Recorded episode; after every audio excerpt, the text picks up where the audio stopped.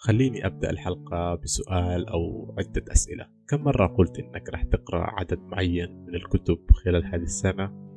واكتشفت إنك في نهاية السنة والكتب لساتهم في الرف. أو كم مرة قررت إنك تبعد عن السوشيال ميديا وتستثمر هذا الوقت؟ وتقوم تمسح كل التطبيقات من الجوال. بعد يومين تمل وترجع وكأن شيئا لم يكن. وقس على ذلك كل الأهداف اللي نحطها على سبيل التغيير أو التحسين. ولا ترى التغيير المفاجئ والسريع مربك وفي بعض الأحيان مخيف سواء كان تغيير للأفضل أو للأسوأ.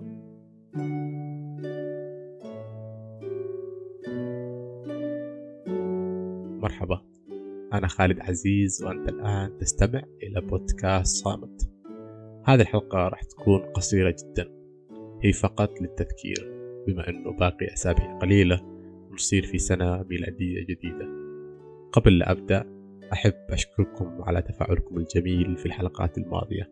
وشكرا لكل من راسلنا واقترح علينا حلقات أو شاركنا رأيه. كل آراءكم تؤخذ بعين الاعتبار.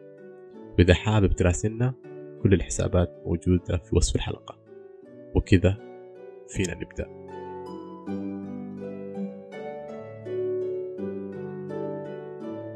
التغيير أو التحسين. كلها مصطلحات فضفاضة وتنطبق تقريبا على كل شيء من حولنا. ومع الضغوطات المستمرة اللي يتلقاها عقلنا اللاواعي كل يوم سواء كان من المحيط اللي حولنا أو حتى من السوشيال ميديا تحس إنك في ماراثون. ونبغى نغير ونعمل ونشيل كل هذا في وقت قياسي. طبعا التغيير مطلوب ومن غيره نسبح راكدين وندور في دائرة مملة. وفي معتقد زائد إن البشر بطبعه يكره التغيير. هذا كلام صحيح نوعا ما لما يكون التغيير مفاجئ لكن التدرج في التغيير أو التحسين شيء صحي ومريح وخفيف على النفس وسهل تقبله والاستمرار عليه. حتى لما اجى الإسلام ما نهى كل شيء في وقت واحد كله كان بالتدريج. وحتى بناء الدول وتطويرها كل هذا يحصل بالتدريج. وقس هذا الشيء على حياتنا اليومية. للأسف صرنا عايشين في زمن السرعة ونبغى كل شيء بين ليلة وضحاها.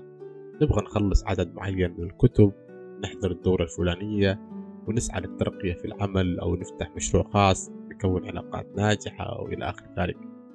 كلها أهداف براقة وإنك تحط على عاتقك تنفيذها بمدة قصيرة حتوصل لنتيجتين.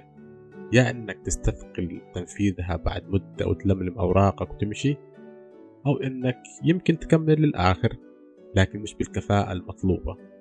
مثلا إذا قريت 15 كتاب السنة قراءة عادية بدون أي استفادة منه أنت فعلا حققت هدفك بس مش بكفاءة اللي قرأ ثلاثة كتب ولخصها وطلع منها بفائدة حقيقية.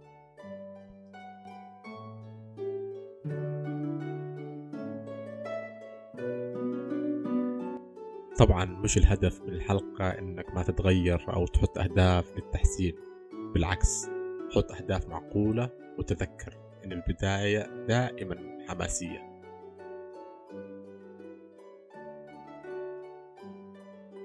في النهاية خذ وقتك بالتغيير واستمتع بالرحلة. ما معنى غير حياة واحدة وإذا جلست كل سنة تحط أهداف وتهلك نفسك بتنفيذها كذا الحياة تفقد لذتها وتصير حياتنا مثل الآلات.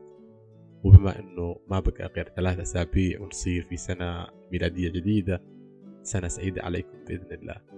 شكرا لحسن استماعكم. وإلى أن ألقاكم في حلقة جديدة. كونوا بخير. سلام.